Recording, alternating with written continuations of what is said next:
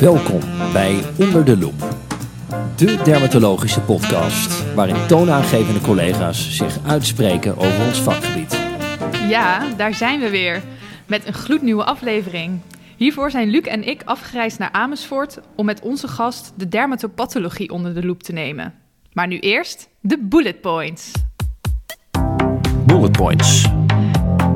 We sturen veel materiaal op. In ons centrum al zo'n 5000 biopten en excisies per jaar.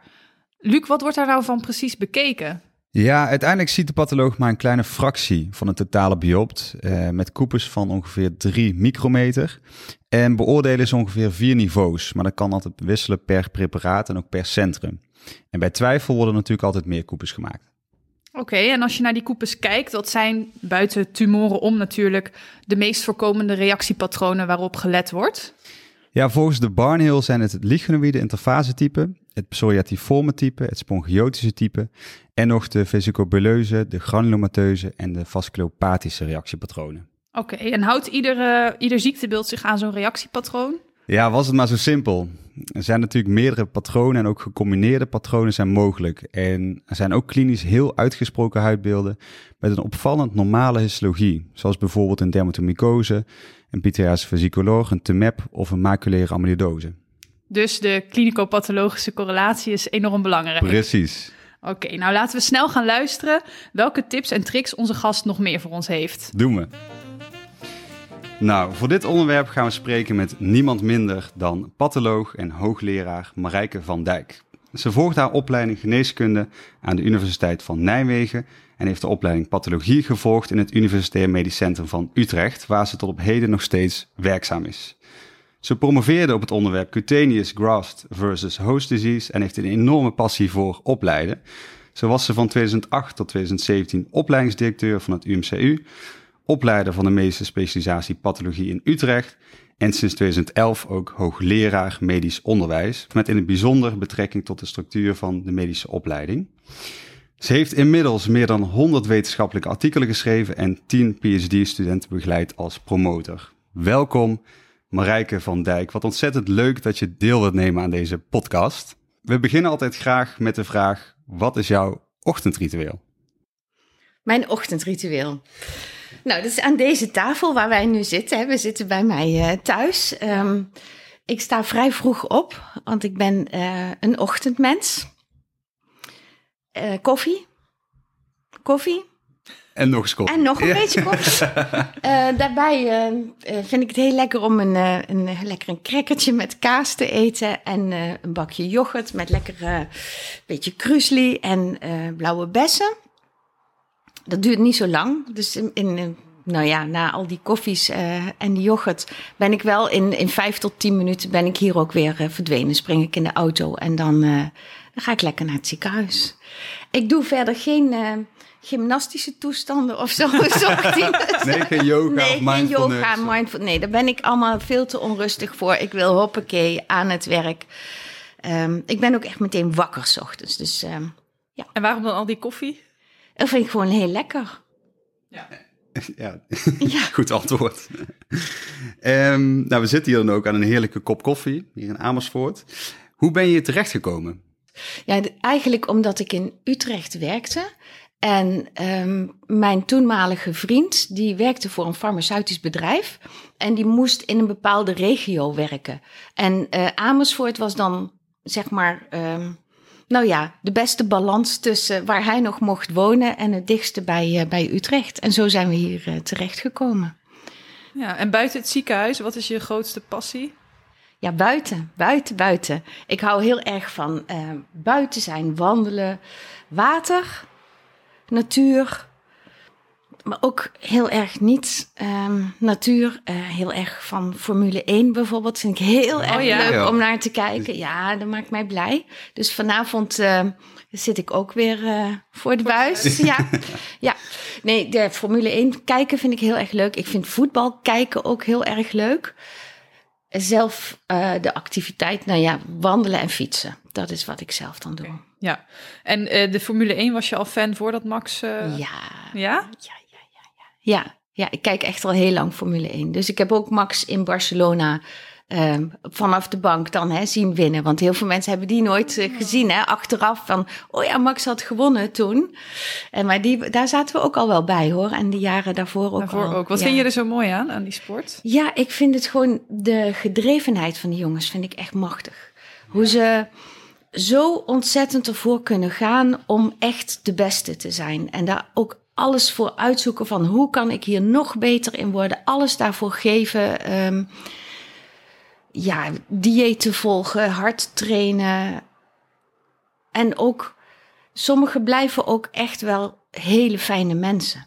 En die combinatie, dat vind ik echt heel gaaf. Ja. En zou, en zou je zelf een keer in een Formule 1 auto willen zitten of willen rijden? Ja. Ik hou ook heel erg van autorijden. Ik vind autorijden echt uh, superleuk. Ja, jullie zijn niet met de auto, dus je hoeft er niet te parkeren. Maar hier buiten staan te veel auto's van mij. dus dat vinden de buren niet, uh, niet zo heel erg leuk. Uh, ik hou heel erg van autorijden. Ik heb ook wel eens trainingen gedaan om eh, goed op de openbare weg ook hard te kunnen rijden en zo. Dus Dat- binnen de, binnen de grenzen die er Binnen zijn. de grenzen die er zijn, uiteraard. ja, dan ga je ook wel naar Duitsland. Hè. Dan mag je Ja, precies. toen zeker, mocht je daar of op het circuit of zo. Dat vind ik echt heel leuk. Ja. Oké, wat mooi om te weten. Hey, en wat zou je doen als je geen patholoog was geworden, behalve Formule, Formule 1 coureur dan? ja. Ik heb echt geen idee. Dat had alle kanten op gekund, denk ik. Ehm, als het binnen de geneeskunde was, dan stond voor mij klinische genetica heel hoog. Dat vind ik ook heel erg mooi eh, vakgebied. Dermatologie is een heel mooi vakgebied, maar interne geneeskunde had misschien ook nog wel gekund. Ik was geen echte snijder geworden, geen chirurg, geen gynaecoloog en geen psychiater. Dat weet ik ook heel zeker. Maar als ik geen patholoog was geworden, het- misschien was ik wel buiten de geneeskunde terechtgekomen, had ook gekund. Iets, Meer met opleiden? Want- iets met opleiden of iets bestuurlijks. Ja. Dat had alle kanten opgekund. Alle kanten opgekund, ja. Maar op een gegeven moment was je wel dan in opleiding tot patholoog. En als je jezelf een advies zou kunnen geven toen je net begon, wat zou dat dan zijn, nu terugkijkend? Nou, dan zou ik denk ik zeggen: zorg eerst dat je de dagelijkse routine beheerst, zonder dat je daarbij in paniek raakt. Dus dat je gewoon ja, de dagelijkse workflow hebt. Voor, nou ja, goed, ik was dan als patholoog in opleiding. Maar voor bijvoorbeeld voor een dermatoloog zou ik zeggen: zorg dat je je poli kunt draaien zonder dat je anderhalf uur uitloopt. En na een half uur al denkt: oh, dit wordt anderhalf uur uitlopen, paniek. Zorg dat je die routine erin krijgt. En ga dan op zoek naar voorzichtige uitdagingen.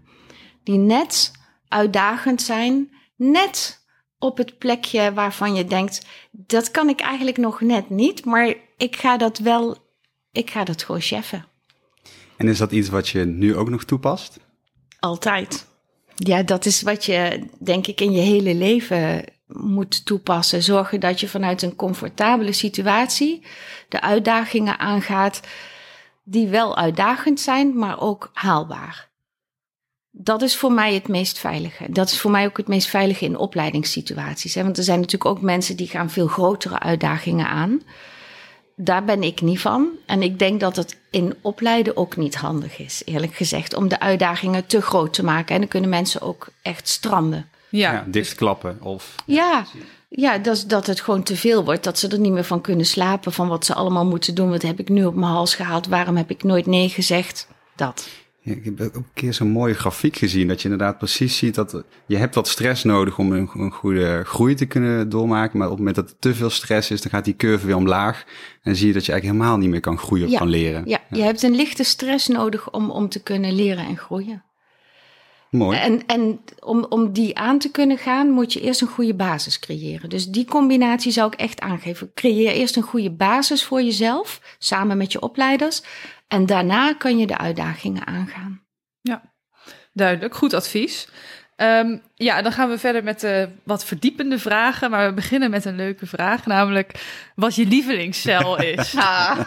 Ja, we, we- maar dan we ga ik eerst tegen jullie zeggen, wat is jullie lievelingscel? Die van je- mij de histiocyte. ja, die van mij wel de, de tomaat met de zonnebril. De, Ah. de. Ja. Ja, dit zijn ook de twee leukste cellen. Ik kan heel eerlijk gezegd, kan ik daar niet heel goed tussen kiezen. Want dit zijn echt ook mijn twee lievelingscellen. Eh, ja, de histiocyte, het is toch machtig. Die, ik hou heel erg van eh, reacties ook op lichaamsvreemd materiaal en zo. Hè? Dus eh, spuit iemand vol met fillers, neem een biopt en stuur het naar me. Make me Gaan happy. wij doen, gaan nou ja, kijk, doen. als, als jij ook van histiocyte houdt, eh, Babette, dan Ja. eh, zou ik zeggen, ehm, doe dat. Ja, neem zo'n biopt. Reuscellen, lekker van. aan het eten. Dat, ja, maar de, ik bedoel ook echt de histiocytaire reuscel. ja. Niet een suffe histiocyte, maar de de histiocytaire reuscel. Die gewoon echt de hele boel probeert op te ruimen. Bijvoorbeeld een splinter. ehm, ook heel leuk, eh, kapot elastine. Gaat te lang in de zon liggen. Laat die reuscellen je elastine op machtige plaatjes. Maar die EO van jou, Luc, Ja. die EO, dat is ook heel mooi. Want die kan gewoon, die ligt daar zo. En dan ineens pioe, ontploft die. En dan al die granula gaan gewoon eh, door die dermis heen. Ja, dat is, lijkt me ook gewoon heel leuk om zo'n EO te zijn. Ergens op een hoekje te zitten. En dan ineens zo... ja, met zijn zonnebril op. Met zonnebril. Ja, die zonnebril ben je dan wel kwijt. Ja, Dan moet je wel een nieuwe zonnebril kopen, denk ik. Maar ja, dat weet ik wel zeker. Want die EO raakt wel zijn kern kwijt dan ook. Ja, Ja. Verzorg je deze special effects dan ook tijdens de pathologiebesprekingen? ja, ja. Ja. ja, nee, ja, ja. Kijk, als iemand daar iets over vraagt, dan... eh, Je moet het beeldend maken. Je moet het beeldend maken. En ik- kijk, pathologiebesprekingen, dat zijn natuurlijk vooral AJOS. Hè, die vinden histologie soms nog wel lastig, maar over het algemeen ook al best wel leuk, omdat ze wel zien dat het ondersteunend is voor hun vakgebied. ja. Maar bij co-assistenten bijvoorbeeld, of nog verder terug de, de bachelorstudenten geneeskunde, ja, dat moet je wel een beetje beeldend maken, want anders dan... eh, Deze kwijt. dan wees ze kwijt, zeg. En dan zeggen ze alleen maar, pathologie is echt heel stom. En dat wil ik niet. Nee, Nee. Dat, dat is begrijpelijk. Ja, en als we dan zo'n biopt nemen, wat zou er eh, volgens jou dan beter gedaan kunnen worden? Of waar liggen voor ons de verbeterpunten? Ja, We weten dat er in sommige centra zeggen ze, nou, je moet, eh, eh, je moet echt een 4 mm biopt nemen bij inflammatoire aandoeningen. Ja, dus ik denk dat jij nu vraagt van eh, 3 of 4 millimeter Ja, biopten. We krijgen heel vaak eh 3 millimeter biopten van inflammatoire aandoeningen. Ik vind dat als het uit een gelaat komt, echt heel prima. Ik bedoel, eh, nou ja, jij vraagt naar de nadelen. Voor mij zijn er aan een 4 mm biopt geen nadelen, maar voor jou en je patiënt wel, denk ik. Ja, En eh, ik denk dat het gewoon wel cosmetisch ook verantwoord moet blijven. En het ligt er natuurlijk wel een beetje aan. Kijk, als je een patiënt hebt met een, doe eens gek, een toxisch epidermale necrolyse. Ja, daar zal niemand er moeilijk over doen als je een 4 mm biopt neemt. Omdat er misschien een littekentje komt. Terwijl als je een mevrouw hebt met een hele subtiele, misschien lupus erythematosus in het gelaat. Ja, dan denk ik dat je iets voorzichtiger mag zijn met je, met je biopt. Over het algemeen, als je een biopt goed behandelt bij de pathologie en daar voldoende koepels van maakt, denk ik dat je met een 3 mm biopt een heel eind kunt komen. En als het niet zo is, ja, dan vragen we om nog een biopt. Ehm, wat kunnen jullie beter doen? Nou, ik denk jullie, hè, jullie dermatologen, Mhm. niet Ja. zo heel veel. Ik denk dat heel veel dermatologen, in ieder geval in mijn regio, ik heb ze natuurlijk heel strak eh, getraind. Hè. dat moet je bij mij in de regio ook niet doen. Maar er moet een, ehm, een goede aanvraag bij zijn. Hè. Ik moet weten waar het vandaan komt. En ik wil ook niet alleen maar een differentiaaldiagnose. Als je erop zet biopt, pols, lichen of lupus erythematosus. Nou, dit vind ik echt geen aanvraag. Ik wil gewoon een beschrijving van je klinisch beeld. Want als het dan geen lichen en geen lupus erythematosus lijkt onder mijn microscoop, dan wil ik niet de, ja, de uitslag moeten geven van geringe chronische ontsteking, comma, geen lichen planus, comma, geen lupus erythematosus. dus je wilt zelf heel Ik graag wil gewoon weten hoe het eruit ziet. ja. En dan kan ik mijn histologisch beeld correleren aan jullie klinisch beeld en een suggestie doen. Dus dat vind ik wel echt heel Ja. erg belangrijk. Ik heb liever een goede klinische beschrijving dan een heel groot biopt. En dan nog wel even over melanocitair. Want daar ben ik wel heel streng in. Ik vind dat als je een nevus of een melanocitaire lesie excideert en je hebt een dysplastische nevus of een melanoom in je differentiaaldiagnose, dat je echt moet excideren met 1-2 mm marge. Mhm. Een, een shave excisie vind ik bijvoorbeeld geen woord. Dat, dat komt niet in mijn vocabulaire voor. En ook een excisiestans of een stansexcisie, die zijn gewoon niet goed aan te snijden. En dan krijg je gewoon die melanocytaire lesie niet goed in beeld. Dus dat vind ik wel echt heel belangrijk. Dat je bij melanocytaire lesies excideert marge 1, 2 mm. Dan kunnen wij het goed beoordelen. Oké. Duidelijk. En ehm, hoe lang blijven die koepels eigenlijk bewaard als wij ze afnemen? Ja, jullie. ehm, zal ik meteen even door het proces heen gaan? Eh, de, jullie nemen een eh, biopt af. Nou, dat gaat dan eh, meestal meteen bij jullie in de formaline. Dan wordt het bij ons of dezelfde dag of de volgende ochtend wordt het uitgesneden, zoals dat heet. Nou, aan een biopje valt niet veel uit te snijden. Die gaat gewoon helemaal in zijn eentje in een plastic bakje in de cassette. Daar gaat dan eh, paraffine bij. En nog weer een dag later, in het normale proces, wordt dat tot een koepe. En die wordt dan bij ons ook nog ingescand. En dat duurt nog maar heel kort tegenwoordig. Dus daarna ook meteen eh, beoordeeld. Dan vragen we eventueel extra kleuringen aan. En eh, dan maken we een verslag. En dan gaat ehm, de koepen is bij ons dan inmiddels al lang het archief in. Want ja, die hebben wij als patholoog helemaal niet meer gezien. Die gaat naar zolder. En dat is een beetje verontrustend. Ehm, ja, wij zitten op de vierde verdieping van het ziekenhuis. Maar boven ons, de vijfde verdieping, daar is ons archief. En daar staan dus deze koepels. En eh, jouw vraag, hoe lang? 30 jaar. Zo. Ja, zo. Dus dat is vrij lang. En eh, die glaasjes, ja, met z'n allen bij elkaar. Ik weet niet of je wel eens geprobeerd hebt om zo'n grote kist met koepels eh, op te tillen. Dat is echt heel zwaar. Ehm 30 jaar. En dan heb je alleen nog maar de koepels, want er hoort ook nog een blokje bij. Ja. En die blokjes, die moeten we 110 jaar bewaren. Dus we hebben echt een, een en, en niet alleen wij, hè, wij hebben een extra probleem omdat het nogal dreigend boven ons hoofd eh, opgestapeld wordt. Ja. Maar ook andere centra hebben echt enorme problemen met het archiveren van het materiaal, wat we gewoon echt moeten bewaren. En er komt nu nog een extra vraag bij: hoe lang moeten we de digitale beelden bewaren? En mogen we misschien dan, als we toch digitale beelden hebben, die koepen weggooien? Ja. Die discussie loopt nog. Oké. En loopt er ook een discussie over het ergens centraal allemaal op te slaan? Van al meerdere ziekenhuizen? Nee, die loopt buiten er het eigenlijk niet. zoekt? Want dan, eh, nou, de, de digitale opslag, die is al deels buiten ziekenhuizen. Maar je moet natuurlijk heel erg eh, uitkijken met je patiëntgegevens. Hè? En heel veel ziekenhuizen hebben al een opslag buiten hun ziekenhuis.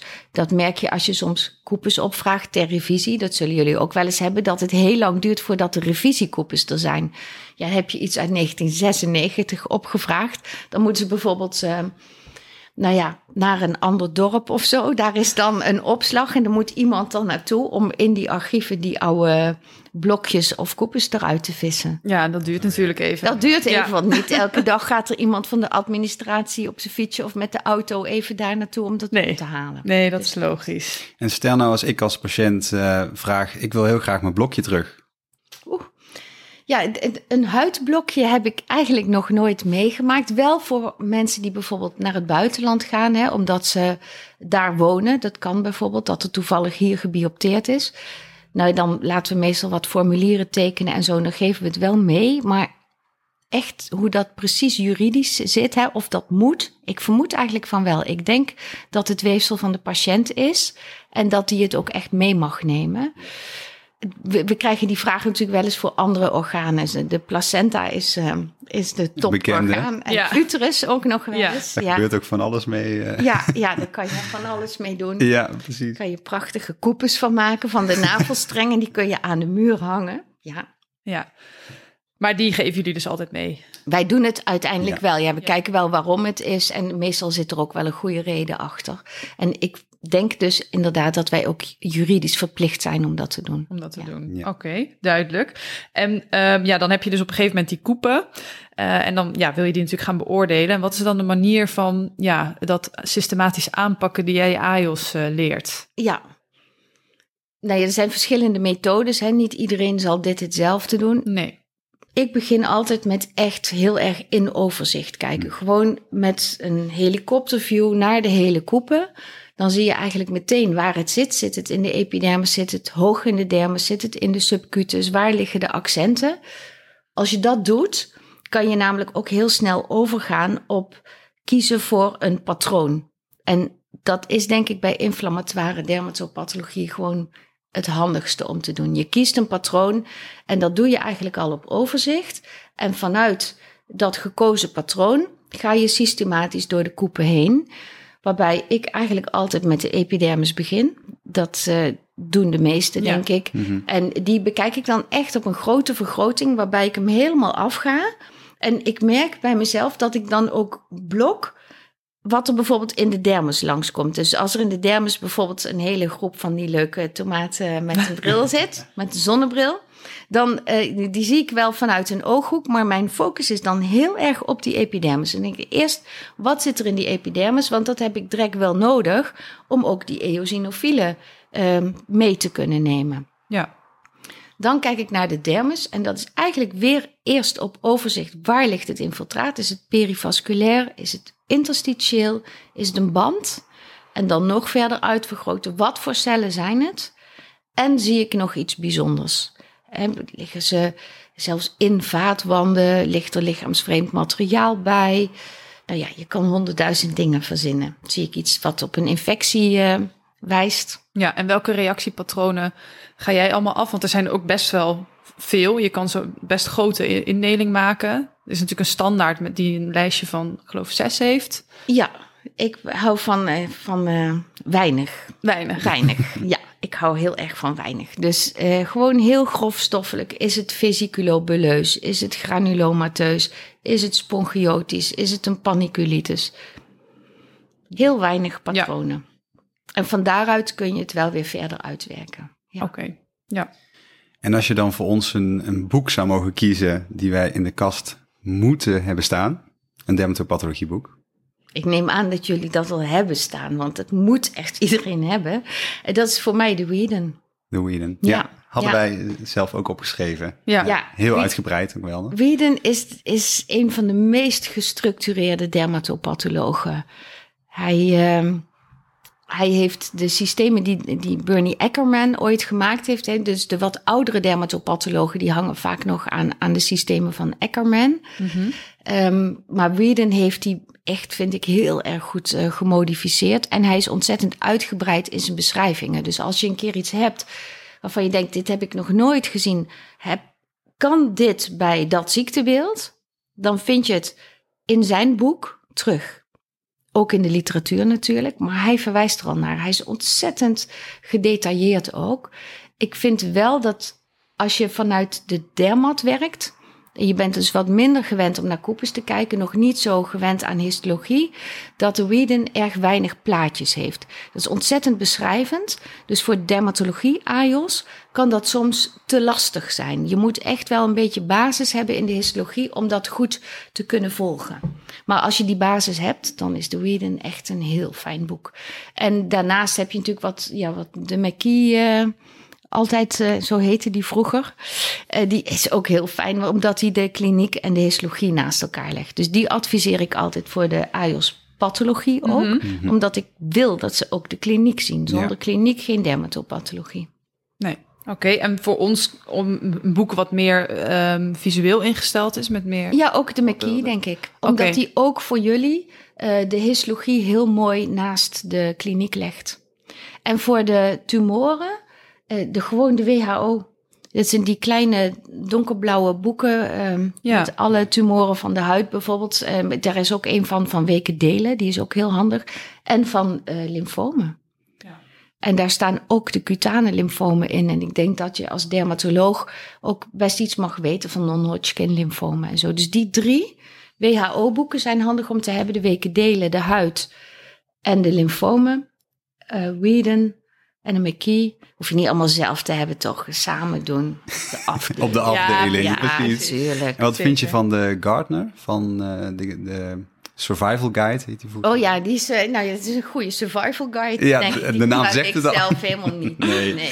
Nee. Maar ik weet dat, dat AJOS dat wel heel, eh, heel handig vinden. Dat is een ja. mooi begin. Ja. Ja. Ja, we gaan daar natuurlijk zo meteen verder nog wat dieper op in. Ehm, maar we zijn eigenlijk nog in het proces van de koepes. En dan vragen we ook vaak kleuringen aan natuurlijk. En een veel aangevraagde kleuring is de paskleuring.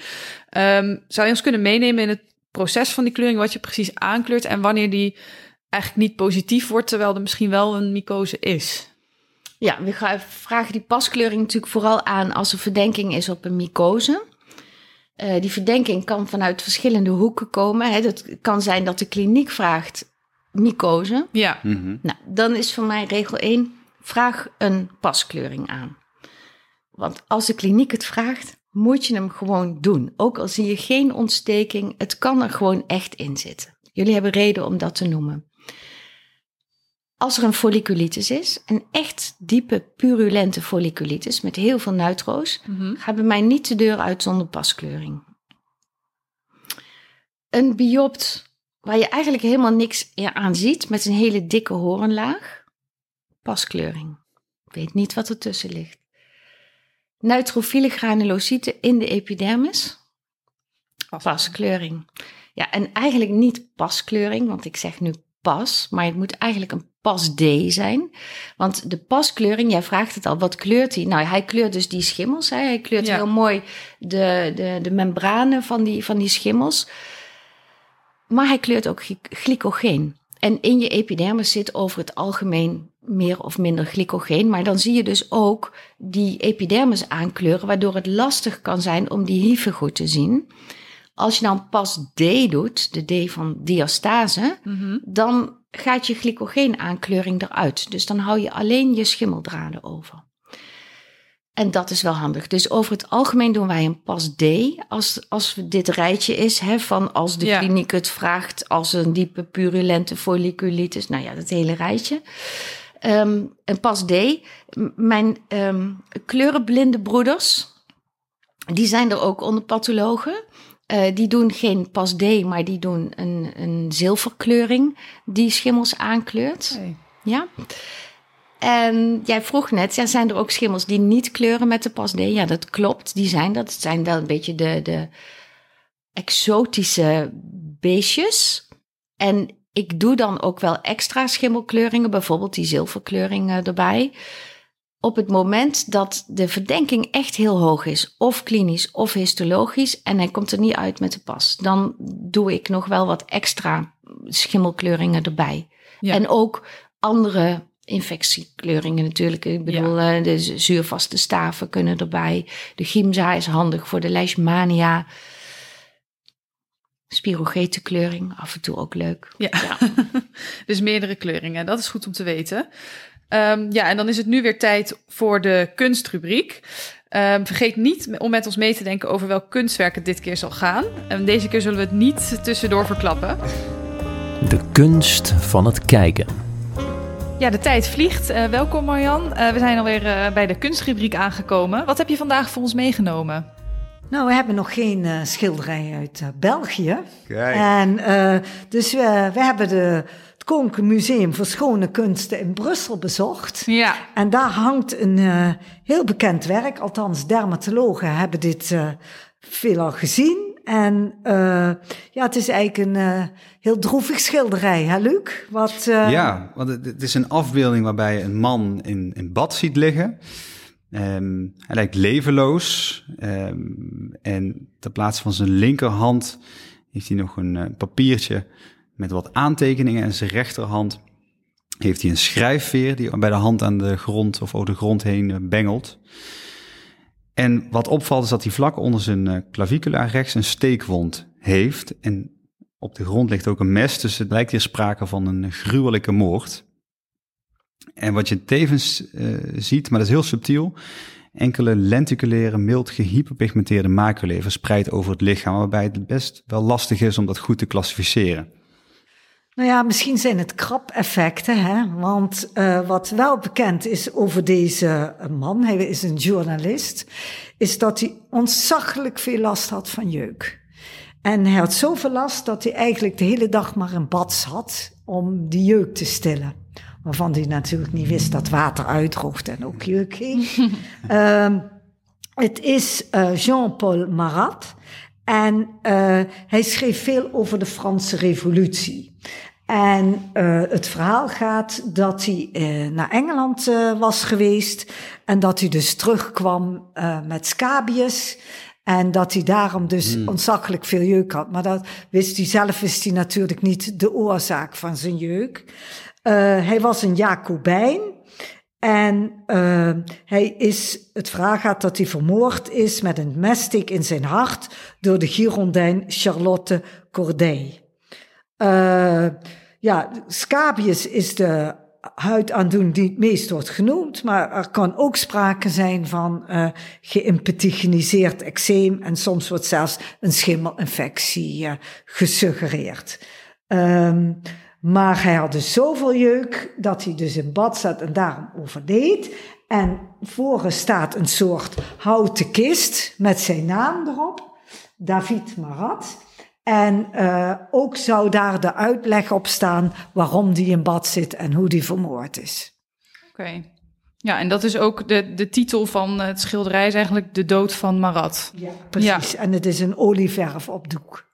Bijzonder, altijd zo'n semi, dat waar gebeurt verhaal, dat dan geportretteerd is in één kunstwerk, ja, in een schilderij. verhaal er dus zit achter een achter kunstwerk. Ook hè? Ja, ja. ja. Mooi. Zeker. Nou, heel erg bedankt weer voor deze bijdrage. En uh, we zien je ontzettend graag weer terug bij de volgende aflevering. Ja, dan zal ik er weer zijn.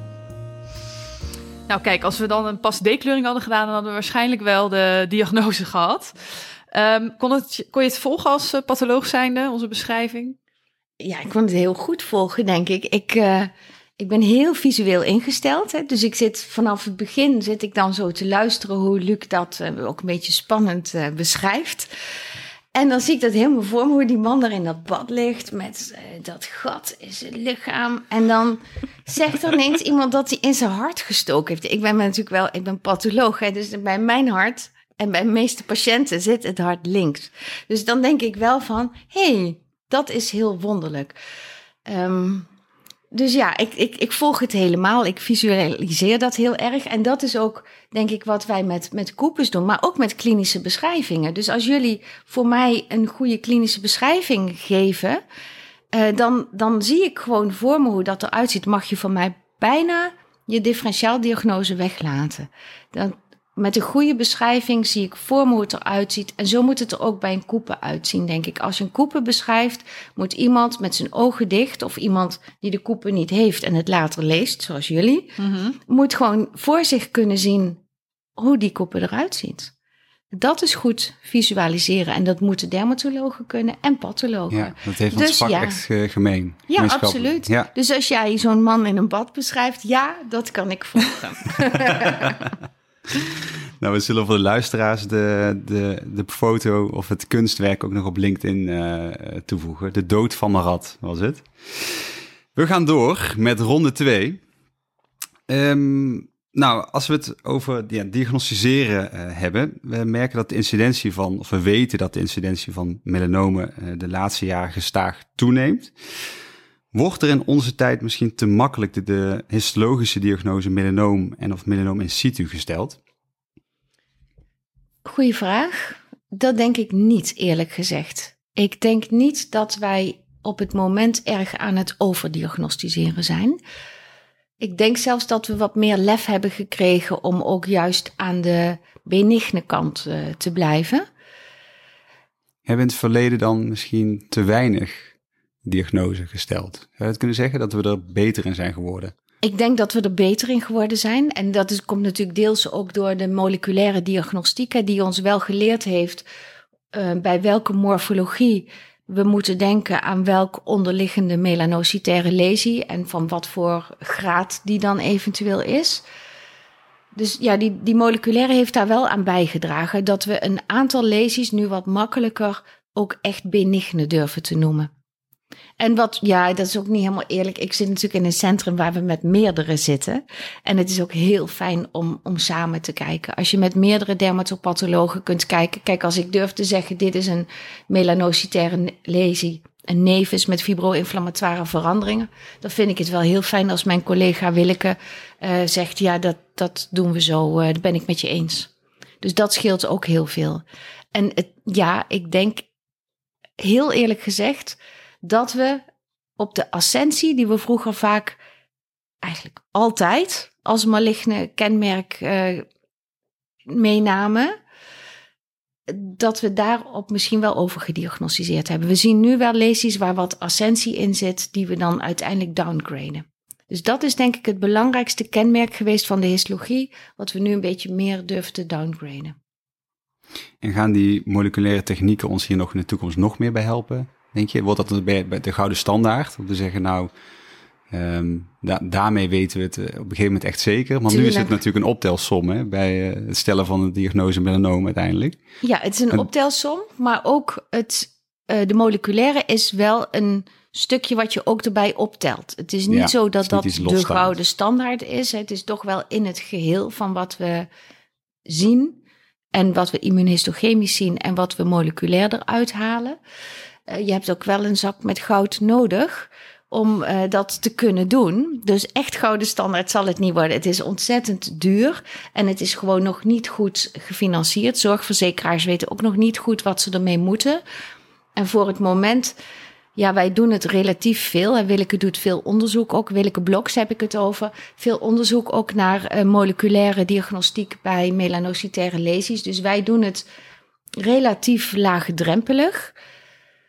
Maar dit gaat niet een gouden standaard worden. Ik hoop dat we op niet al te lange termijn heel goed weten bij welke lezers we dit echt moeten doen, waar het echt belangrijk is en dat er dan ook een goede financiering voor komt.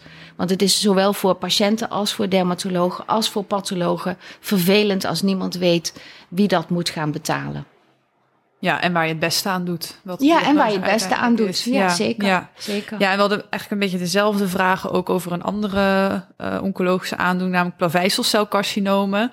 Um, ja, goed gedifferentieerde plaveisselcelcarcinomen zien we heel vaak die diagnose. Voorheen werd er ook wel vaak een diagnose keratoacantoom gesteld, maar we merken dat dat toch steeds minder wordt. Denk je dat pathologen in het algemeen daarover wat terughoudender zijn geworden om die diagnose te stellen? Ik denk het wel.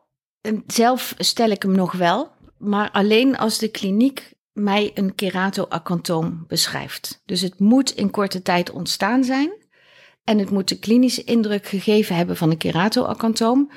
En ik moet dan histologisch wel echt een goed gedifferentieerde plaveisselcellige lesie zien. Want een heel snel groeiende tumor kan ook een heel slecht gedifferentieerd plaveisselcelcarcinoom zijn. Dus dat moet je wel heel strak houden. En wat ik dan tegenwoordig doe, dan zeg ik een atypische, goed gedifferentieerde plaveisselcellige proliferatie, welke goed kan passen in het kader van uw klinische diagnose keratoacantoom. Ah ja, maar krijg, krijg je dat zo wel eens aangeleverd dan? Want meestal wordt er toch opgeschreven, denk ik, PCC, DD, keratoacantoom. Ja, nou, maar dan, als je dat opschrijft, dan krijg je van mij plaveisselcelcarcinoom terug. Ja. Mhm. Ja, precies. Dus je, dus- je, want dan heb je hem niet beschreven. Als je tegen mij zegt: Ik heb een kratervormige lesie bij een man van 80 jaar en die is in drie weken tijd uh, ontstaan, is dit een keratoacantoom? Of toch een plaveisselcelcarcinoom? Ja, dat mag je natuurlijk wel vragen. Dat mag je natuurlijk, want dat wil je weten. Uh, dan doe ik het wel. Want blijkbaar zie jij het verschil tussen die twee, anders vraag je het me niet.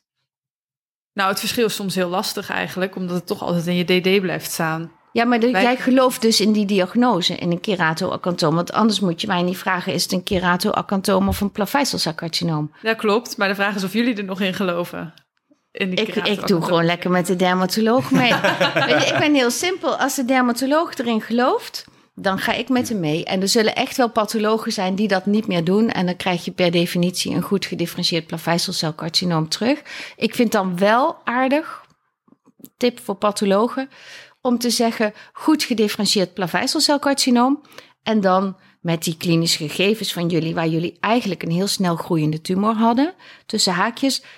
Meest waarschijnlijk van het type keratoacantoom, haakjes sluiten, punt dan weten we nog wel uh, dat het wel een bepaald soort goed gedifferentieerd plaveisselcelcarcinoom geweest is. En ik zie echt ook nog wel lesies die al zo ver waren dat ze al bijna helemaal opgeruimd zijn. typisch keratoacanthom, volledig opgeruimd. Ja, daar heb ik moeite om te zeggen, dit was een plaveisselcelcarcinoom. Ik zie geen invasie meer, niks engs. Nee, ja, Dan- soms is het natuurlijk ook heel duidelijk. Dat Ja, dat dus dan bestaan ze ook. Ja. En even over een bruggetje naar van de oncologie naar de inflammatoire eh, diagnose. Wat zijn daar de grootste diagnostische uitdagingen in? Nou, dat blijft toch gewoon om, om lekker op je HE-koepen zo ver mogelijk te komen. Heel simpel, H&E connected to the brain, zeiden ze vroeger wel eens. Ehm, echt met je HE-koepen op het patroon in combinatie met de klinische beschrijving om daar gewoon een heel eind te komen. Dat, dat vind ik nog steeds het allerleukste. En ja, we worden ondersteund door allerlei kleuringen en dat is ook heel prima en dat is vaak ook nodig. En het is ook leuk, ook al heb je de diagnose, om toch nog even die kleuring te doen. Hè? Bijvoorbeeld bij een, nou, een folliculotrope mycosis fungoides. En je ziet mucine in de haarfollikel, dus je hebt ook een mucinosis follicularis erbij. Ja, dan doen we eigenlijk altijd een Elsian Blue kleuring. Dat slaat helemaal nergens op, want ja, je kan wel zien dat daar slijm in die haarfollikel zit. Maar het is ook gewoon heel mooi. En een Elsian Blue is ook geen dure kleuring. En het is opleidingstechnisch ook nog wel heel handig. Eh, dus nou ja, goed, met die afwegingen. Dus je hebt wel ondersteunende kleuringen gebruiken we wel. Maar ik doe het liefst zoveel mogelijk gewoon op, op de HE. Dat vind ik toch wel het mooiste. En heb je van al die inflammatoire dermatose ook een favoriet? Of een fa- favoriete diagnose om te stellen? Nou, ik vind infecties eigenlijk gewoon het, het leukste. Toch als je, als je denkt, hey, als dit geen leishmania is, al op overzicht. Hè? Dus dan zie je op overzicht zo'n kop en denk, nou, dit moet een leishmania zijn. En dan duik je erin en dan zie je ze ook liggen. Ja, dat is, eh, dat vind ik wel heel leuk. Als je een infectieus beeld ook echt kunt aantonen in een koepen. Ja, Ja. en de opruimreacties dus. En de opruimreacties, ja, die zijn ook leuk. Zeker. En helemaal als de dermatoloog er misschien niet eh, ook aan gedacht had om die Ja, dan ik te... kijk ook eerst naar de koepen. Mijn AJOS mogen van mij, maar dat doen ze wel, mogen niet naar de klinische gegevens kijken. Je moet eerst naar de koepen kijken, dan heb je een histologische differentiaaldiagnose, dan lees je de beschrijving van de klinicus en dan koppel je dat eerst nog even aan je eigen gedachten en dan lees je pas de differentiaaldiagnose van de klinicus. Dat is in mijn ogen de ideale opbouw. Maar voor de eh, onzekere AJOS, die begint graag niet eens met die beschrijving van die kliniek, maar gewoon huppakee met die eh, diagnose. Oh, waarbij het dan heel handig is, tip voor jullie, Ja, om die diagnose niet af te korten. Dus bijvoorbeeld GA is voor jullie een granuloma annulare, maar voor de pathologie AJOS een zoekplaatje die niet bij GA in de lijst staat, ook in achterin, hè, in de index. Dat staat namelijk bij granuloma annulare. Dus dan moet je echt even opzoeken.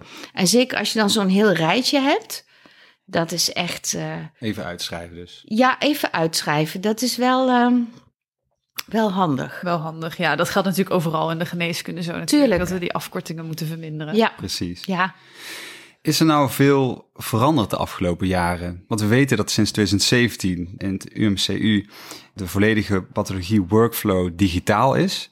Hoe heeft het het werk veranderd? Ja, dat heeft het werk heel erg veranderd. Ik zie mijn baas nog binnenkomen, ons afdelingshoofd Paul van Diest. Die wil altijd, eh, mag dit wel luisteren hoor Paul, Eh, de, de snelste zijn en, en het eerste, de, nou ja dat. En het meest digitaal. Nou, hij zei begin 2017 tegen ons, nou zet je microscoop maar aan de kant. We gaan gewoon huppakee aan de slag. En ik dacht nou, heel slecht idee. Dit, eh, dit gaat me heel veel tijd kosten. En hij moet nog steeds erg lachen dat ik binnen een dag bij zijn bureau stond en zei. Oh, dat gaat lekker, eh, dat digitale gedoe eh, van jou. Eh, ja, dat is ook echt waar. Het is heerlijk. Je ziet, je formulier is ingescand, de koepen is ingescand.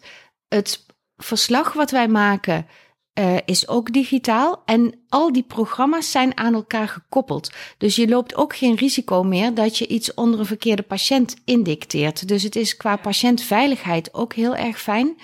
De beelden laden ontzettend snel. Je kan echt heel goed eh, er doorheen lopen, uitvergroten. Het zijn scherpe beelden. Het enige probleem zit wel in uh, mitose. Die zijn heel slecht uh, te herkennen. Dus de mitose-tellers, nou daar ben ik niet van met mijn dermatopathologie. Maar bijvoorbeeld de neuropathologen moeten vaak mitose tellen.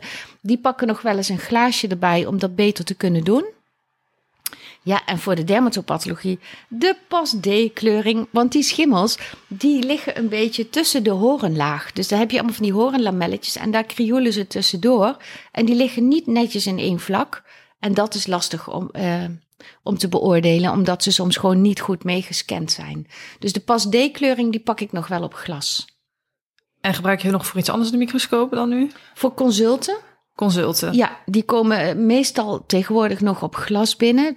Ehm, ik neem aan dat we de komende jaren ook de consulten meer digitaal uh, gaan krijgen. Dat gebeurt nu ook al. Dus ja, die kijk ik ook vaak nog eerst even op glas voordat ik ze in laat scannen. Want dan kan ik meteen even de extra kleuringen aanvragen als die nodig zijn. Ja. ja. En dat is het dan? Dan is het allemaal computerwerk. Is het allemaal ja, dus, computerwerk. Dus al, al jullie AIOS-pathologie worden uh, zonder microscoop opgeleid. Ja, ja, er moest er laatst een. Die moest naar een regionaal ziekenhuis. En die wist niet hoe ze met de microscoop om moest gaan. Dus dan moest ik nog even een korte, korte cursus microscopiseren. Ja. en de computer zelf is natuurlijk ook heel uh, slim. Als je allemaal van dat soort beelden inlaat, dan kan je natuurlijk ook heel veel uh, artificial intelligence op loslaten. Ja, dus krijg je weer een overeenkomst met de dermatologie. Ja. Hè? Als je maar mooie plaatjes hebt en die vaak genoeg invoert. Nou ja, de AI heeft bij ons zeker ook uh, zijn intrede al gedaan. Wij zijn aan het kijken bij melanocytaire lesies uh, in hoeverre de AI ons daarbij kan helpen. Gewoon over, op het patroon van die, uh, van die melanocytaire lesie. Het gebeurt ook al met andere dingen. En uh, ja, wij zijn het nu een beetje aan het implementeren om het ook in de patiëntenzorg in pilots uh, te gaan gebruiken. Nee, ik, ik zie jouw volgende vraag al. Ben je niet bang? Ja. bang? Nee, ik ben niet bang dat, uh, dat de AI ons werk gaat overnemen. Ik denk dat het ondersteunend zal zijn op een hele leuke manier. Ja. ja. En wat denk je dat er verder nog zal veranderen de komende jaren in jullie vakgebied? Ik denk dat heel veel labs zullen gaan samenwerken. Mm -hmm. Omdat, uh, nou ja, de patiënt vraagt toch het, het beste oordeel. En ook zeker van een, van een patholoog. Hè. Wij worden vaak als een soort heel onterecht eindstation uh, gezien. ja, dat zijn we natuurlijk helemaal niet. Nee. Maar goed, die diagnose komt uiteindelijk wel... Nou ja, dat lijkt toch meestal wel bij ons uh, vandaan te komen. En je wilt toch de beste diagnose, het beste advies. Ook voor therapie. Dat doen wij natuurlijk ook met moleculaire. Kijken wat voor targets er in tumoren ja. zitten. -hmm. Dat is iets wat we ook echt al... Uh, ja, heel veel uh, doen. Labs gaan samenwerken, zijn. Oh ja, labs gaan samenwerken. En um, dat moet ook gewoon omdat je op bepaalde stukjes van de pathologie echt ook de expertise nodig hebt uh, van, van je collega's in hetzelfde vakgebied. En het is ontzettend lekker als je heel even met elkaar mee kan kijken. En ook als je elkaar kunt vervangen tijdens vakanties en zo. Het is heel fijn om een goede backup uh, te hebben. Dus ik denk dat labs meer zullen gaan samenwerken. En dan zoveel mogelijk ook op dezelfde digitale systemen zullen gaan ja. werken. Wat natuurlijk ook het onderling consulteren heel erg veel makkelijker maakt. Ja. ja. En uiteindelijk ook internationaal? Ja, maar er gebeurt ook al. Er zijn Engelsen, dat is heel dom, want die hebben natuurlijk een hele, ja, nou ja, die hebben nog een blankere huid dan ik. En die zitten dus in Spanje hun diagnostiek te doen omdat dat gewoon lekker is om in Spanje te zijn uh, in de zon. Uh, dus dat gebeurt ook echt al. Er zijn hele grote internationale partijen die ook al digitale diagnostiek aanbieden. Ja, dus echt die digital nomads. Ja. Dus die over de hele wereld pathologiekoepers aan het bekijken zijn. Ja. En um, ten opzichte van het buitenland, zijn er dingen die de dermatopathologie hier in Nederland heel anders doet uh, ten opzichte van andere landen om ons heen? Nou ja, wat wij wel een beetje anders doen, is dat het bij ons tegenwoordig weer helemaal bij de patholoog ligt. Dus degene die pathologie doen, dat zijn over het algemeen de pathologen. Hè. Er zijn ja. een paar dermatologen die ook echt nog wel handig zijn in, in dermatopathologie. Maar als je heel ver terugkijkt, waren het vaak ook dermatologen die een bijdrage leverden, echt ook aan het kijken van de koepes, het beoordelen van de koepes. En dat is er eigenlijk helemaal uit. Het is helemaal bij de pathologen terechtgekomen. Terwijl in het buitenland zie je echt ook wel dermatopathologen die zowel dermat als pathologie uh, gedaan hebben. Dus daar zijn ook meer dermatologen echt bekwaam in dermatopathologie en die, die tekenen ook echt uh, rapporten. En wat vind jij dan zelf van die ontwikkeling? Denk je dat het goed is dat de pathologen het doen? Ik denk op zich dat het goed is dat pathologen doen. Ik heb er niks op tegen dat dermatologen het ook doen. Ik denk dat als je opleidt, dat je heel erg moet kijken waar is iemand handig in. Een dermatoloog die heel goed is in uh, dermatochirurgische technieken. Dat is misschien handig als die mooskoepes uh, kan beoordelen, oké. Maar die hoeft niet uh, ja, heel erg uitgebreid de inflammatoire te beheersen. Terwijl een andere dermatoloog die heel erg op het inflammatoire zit, het zou fantastisch zijn als die ook een stukje inflammatoire diagnostiek meedeed. Ik denk ook dat we in Nederland heel erg er naartoe gaan dat vakgebieden gaan uh, overlappen en dat je vanuit een bepaald specialisatie uh, ook net iets van een ander vakgebied zou kunnen en misschien ook wel mogen doen. Dat zou heel erg leuk zijn. Ja, dat er een wat langere stage dermatopathologie komt. Misschien bij ons in de opleiding. En dermatologie bij iemand die graag patholoog met aandachtsgebied ja, dermatologie. Nou, dat doen we eigenlijk nu ook al. Hè. Als ik een, een pathologie AIOS heb in een dermatopathologie stage. En het is echt eentje die daarin verder wil. Dan uh, zorg ik ook dat hij met de kliniek meeloopt en dat hij uh, op de poli meekijkt. En andersom, onze AIOS van de dermatologie, die zijn vier maanden bij ons. En die werken eigenlijk mee als een soort AIOS-pathologie. Die kijken gewoon koepes. En dat is dan het normale, zeg maar. Maar je hebt er ook, ja, die vinden het heel leuk en die komen nog een keer terug. En die doen dat als een soort verdiepingsstage nog. nog. En dat is fulltime dan dat ze bij jullie zijn? Nee, ze zitten nu meestal uh, halftijds. En dat combineren ze dan met, met een taak die, die goed te combineren is daarmee. Soms is dat de kliniek, hè, want er zijn niet meer zo heel veel opgenomen patiënten. Soms nee. zijn dat bepaalde polystages. Ja. Maar het is ongeveer ja, 50 procent en dan vier maanden. Oh ja. En die hebben gewoon hun eigen koepels, die hebben hun eigen digitale bakje, die vragen hun eigen pas D-kleuringen aan. De eerste keer een pas, hè, de tweede keer een, een pas D. Ja. ja. Dus dat zijn echt. En dan is het ook heel leuk dat je met hen ook kunt kijken naar de aanvragen van hun collega's. Dat je denkt, oh ja, dat, uh, dat hadden we iets beter uh, kunnen formuleren. Ja. ja. Wordt er veel onderzoek uh, gedaan nog binnen de vakgroep pathologie in Utrecht? Binnen de dermatopathologie? Binnen de dermatopathologie. Nou, onze grootste onderzoekspoot is eigenlijk nu uh, de melanocitaire lesies. Daar is Willeke heel erg uh, actief in. En ik zit wat meer in de immuunachtige hoek, zeg maar. Hè, bij de graft versus host-achtige dingen en zo. En um, ja, dat is wat, wat minder groot. En ik doe zelf ook nog wel wat dingen. Maar dat is dan geen dermatopathologie richting medisch onderwijs en opleiden natuurlijk. Want ja, dat is ook mijn... Uh, passie. Leerstoel en mijn Leerstoel, passie, maar ja. de dermatopathologie ook. Ja, weet je, ik vind het gewoon allemaal heel erg leuk. Maar onze grootste onderzoekspoot is nu in de melanocitaire lesies. Ja. ja. Duivelse dilemma's.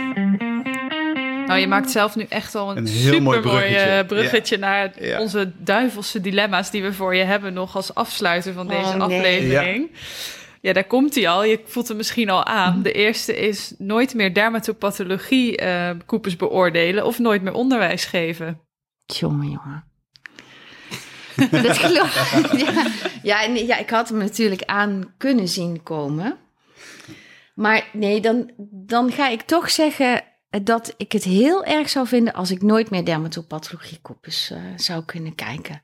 Dat is toch wel het allermooiste wat er is. En dan ben ik ook nog wel zo dat ik dat dan toch stiekem zou gebeuren om, gebruiken om een beetje onderwijs te geven. Ja, ja, ja. ja, onder de radar. Onder de radar.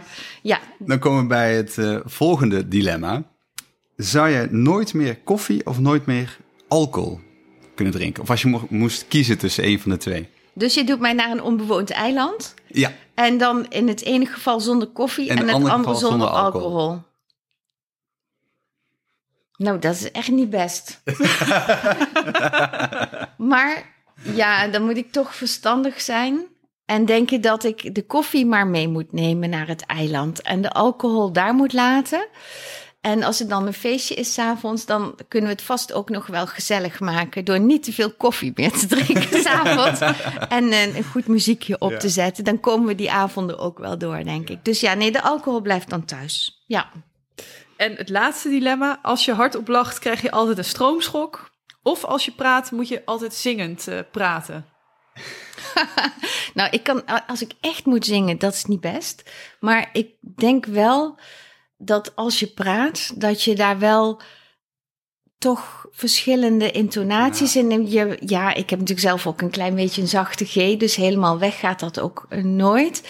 Maar ik vind het wel heel prettig altijd als mensen met een beetje, ja, een beetje zangerige stem praten. Dat vind ik heel erg prettig luisteren. Ja, en je zou denk ik veel stroomschokken krijgen, niet? Als Dat je denk ik dat, eh, daarvoor ja, zou dat zou echt gewoon echt dramatisch zijn. Nee, nee, je moet maar gewoon een beetje zangerig praten. Niet echt zingen, zangerig praten. En eh, geen stroomschokken bij hard lachen, want dat zou ik echt niet overleven. Ik zie nu een heel mooi eiland voor me. Met allemaal zingende mensen eh, Ja. zonder alcohol. Zonder alcohol, maar wel met koffie, hè? Wel met wel koffie, met niet te vergeten. Dat Ja. hadden jullie beloofd. Exact.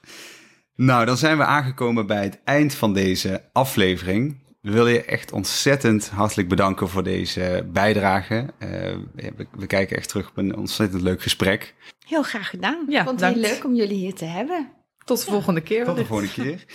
Ja, en voor de luisteraars ook. Mochten jullie nog tips hebben voor ons, of zijn er eh, inhoudelijk dingen die misschien niet kloppen, mogen jullie het ons ook laten weten. En tot de volgende aflevering. Dit was Onder de Loep. Dank voor het luisteren en Graag tot de volgende aflevering.